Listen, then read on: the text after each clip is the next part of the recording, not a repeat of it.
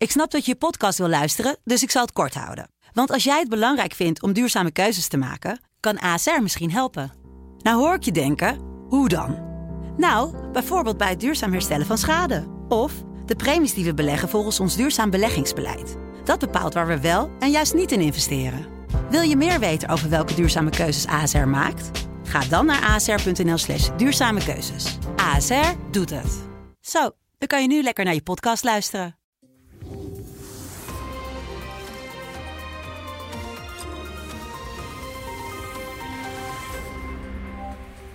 Welkom bij ons wekelijks gesprek met de hoofdredacteur van de Telegraaf, Paul Jans. En we vragen hem natuurlijk wat hem bezighoudt in het nieuws. Paul, we gaan het hebben over het eh, debat. Donderdag, na de toespraak van Zelensky, uh, Hoekstra met de Tweede Kamer. Dat ging niet helemaal lekker. Nee, dat was een pijnlijk moment. Niet het eerste pijnlijk moment van een bewindspersoon van dit kabinet. Uh, en het zal, vrees ik, ook niet uh, het laatste zijn. Uh, ja, je, je vraagt je af als je ernaar kijkt, wat, wat, wat gebeurt hier? Is het nou Hmm. onderschatting? Is het een gebrek aan coördinatie? Nou, ik, ik krijg toch vooral de indruk. Uh, Hoekstra werd ook als een kleine jongen teruggestuurd om zijn huiswerk over te doen.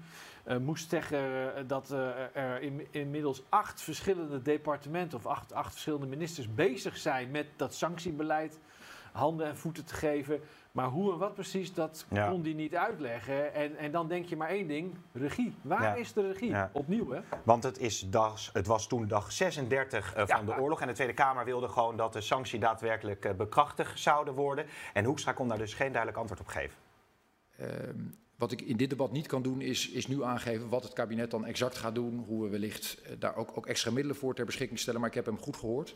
Dus laat ik hem toezeggen dat we daar eh, op terugkomen. Ehm, en dat, dat zal minister Schrijnemacher dan doen. Dat, dat moet ik dan doen. Maar hoe, dat kan ik hier nu niet beantwoorden. Voorzitter, ik ga proberen dan dat antwoord in tweede termijn te geven. Eh, Er is geen tweede termijn. Ah, dus- dat is geen tweede termijn. Ik snap dat ongemak. Maar daar wil ik echt eventjes eh, op, op studeren voordat ik daar een antwoord op geef. De minister wil er eventjes op gaan studeren. Het wordt wel laat op deze manier, hè? Eh, ik kan daar naar kijken, maar ik denk dat dat volgende week wordt. Ja, en dat was dus na de toespraak van Zelensky. De hele Tweede Kamer natuurlijk ja, toch een bijzonder moment. Ja. En dat debat, dat... eh, Nou, het is, het is ook nog extra pijnlijk omdat, omdat we begrijpen dat er voor dit debat al tussen ministers heen en weer werd geschoven wie moet wat gaan zeggen, wie moet er nou in de Kamer gaan staan. Nou, dat werd dan Hmm. bij Hoekstra neergelegd als, als coördinerend minister. Het deed me heel erg denken aan de koopkracht, eh, toen de Tweede Kamer ook opheldering wilde. En ook verschillende ministers, hè, eh, eh, Kaag... als minister van Financiën speelde ook een belangrijke rol in eh naar elkaar aan. Nee, doe jij het maar, doe jij het maar. En dat, werd, dat werd ook een puinhoop. En dat, dat zag je nu weer. Ehm, opmerkelijk is ook, hè, want je gaf al aan, we zijn toch al een maand verder. eh, eh, Pieter Omzicht in de Kamer gaf ook een, een, een pijnlijk overzichtje over hoe ver andere landen zijn met het, eh, het opsporen van, van tegoeden en het, eh, het vastzetten, het blokkeren van, van gelden of het eh, aan, de, aan de ketting leggen van boten en noem het allemaal maar op. En dat liep in de vele miljarden. En dan kwam Nederland en wij bleven steken op, eh, op 0,4 miljard. Het was heel pijnlijk. Maar ook pijnlijk was, en ik lees het even voor, de reactie die kwam vanuit het kabinet nadat aanvankelijk dus eh, vanuit de Kamer werd gezegd: ja, maar wa- joh, wat zijn jullie nou eigenlijk aan het doen? Er, er wordt een, een, eh, een soort rookgordijn op, opgeworpen van ja, we zijn hard aan het werk en eh, de Kamer moet daar verder maar genoegen mee nemen. Nou, toen kwam er dus een reactie vanuit het kabinet en ik lees even voor. Door de snelle totstandkoming en ongekende rijkwijde van de sanctiemaatregelen tegen Rusland is gebleken dat uitvoering en toezicht op een aantal deelterreinen van het sanctiepakket beter kan. Nou, dat lijkt me nogal een open deur. en dan gaat het verder. Door de aanwijzing van bevoegde autoriteiten op het gebied van onroerende goederen, ministerie van, van eh, VRO, erfgoederen, ministerie van OCW, eigendom van bedrijven, ministerie van EZK en juridische beroepsgroepen, ministerie eh, voor, eh, van- rechtsbescherming, kunnen betrokken departementen en instanties specifieke maatregelen nemen om de uitvoering van sancties en de toe- toezicht daarop te bevorderen. ja, Nou, snap jij het? nou ja, duidelijk is dat het nog niet helemaal klaargespeeld is allemaal in ieder geval. Dit is ambtelijke brei. Hier, hier wordt gewoon maar wat geroepen en eigenlijk er wordt niks gezegd. Nee, nee. Dit is praten, of in dit geval schrijven, zonder iets te zeggen. Dit is, dit is volstrekt niet eh, transparant. En dat is precies het probleem. Maar wat daarachter schuilt, en dat is, dat is zo pijnlijk, is dus hè, wat ik zei, dat gebrek aan regie en bestuurlijke blubber. Deze coalitie en, en, en deze regering doet mij wat dat betreft heel erg denken aan Lubbers 3 uh, of aan Paars 2. Hmm. Uh, dat waren ook coalities die, die vermoeid oogden, waar uh, bewindspersonen eigenlijk er niet meer uitkwamen, waar men een beetje tot elkaar veroordeeld was. Het, het brak, ontbrak aan elan en dat zie je hier ook. En het ontbreekt, dus aan, het ontbreekt dus aan regie.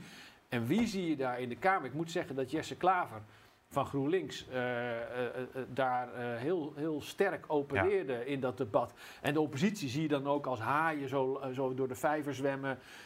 om te kijken of ze iemand van het kabinet te grazen kunnen nemen. Maar Pieter Omzicht. Ja. Ja, die maakte hier natuurlijk weer een, een, een, terecht een belangrijk punt van. Ja, want Pieter Omtzigt die was er helemaal klaar mee dat er vooral naar elkaar werd gewezen. Natuurlijk bel ik de ministers en de staatssecretarissen. Wijzen ze allemaal naar elkaar voor de beantwoording. Ja. Het is bizar.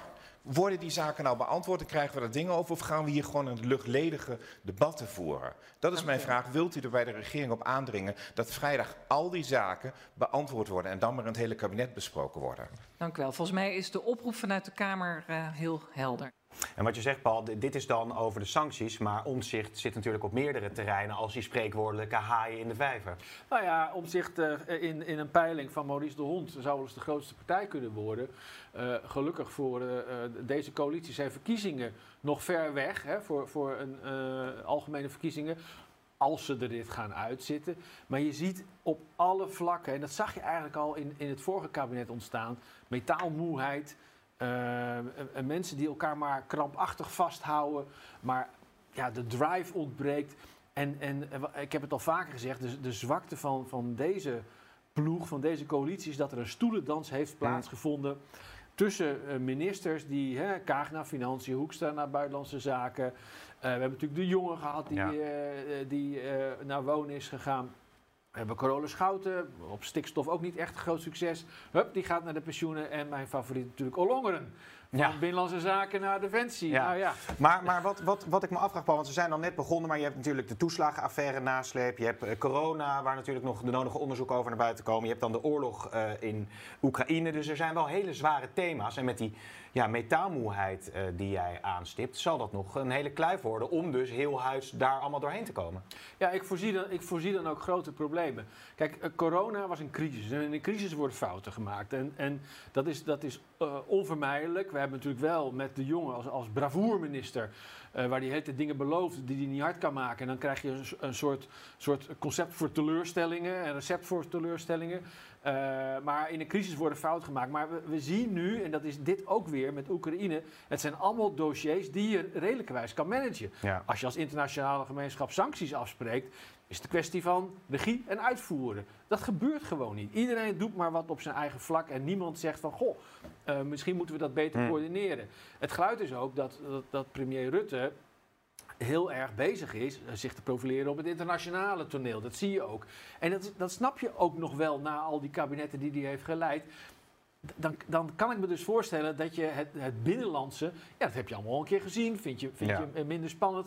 Ga je misschien meer op dat internationale uh, uh, vlak richten. Maar ondertussen uh, loopt het hier aan alle kanten over de schoenen. En, en dat is zorgelijk, want met een torenhoge inflatie, met allerlei uitdagingen, moet, moet er gewoon heel erg snel aan de bak worden gegaan. Want wij kunnen ons niet veroorloven om wat, wat je nu hebt gezien, het regeerakkoord op het gebied van klimaat, maar zeker met stikstof.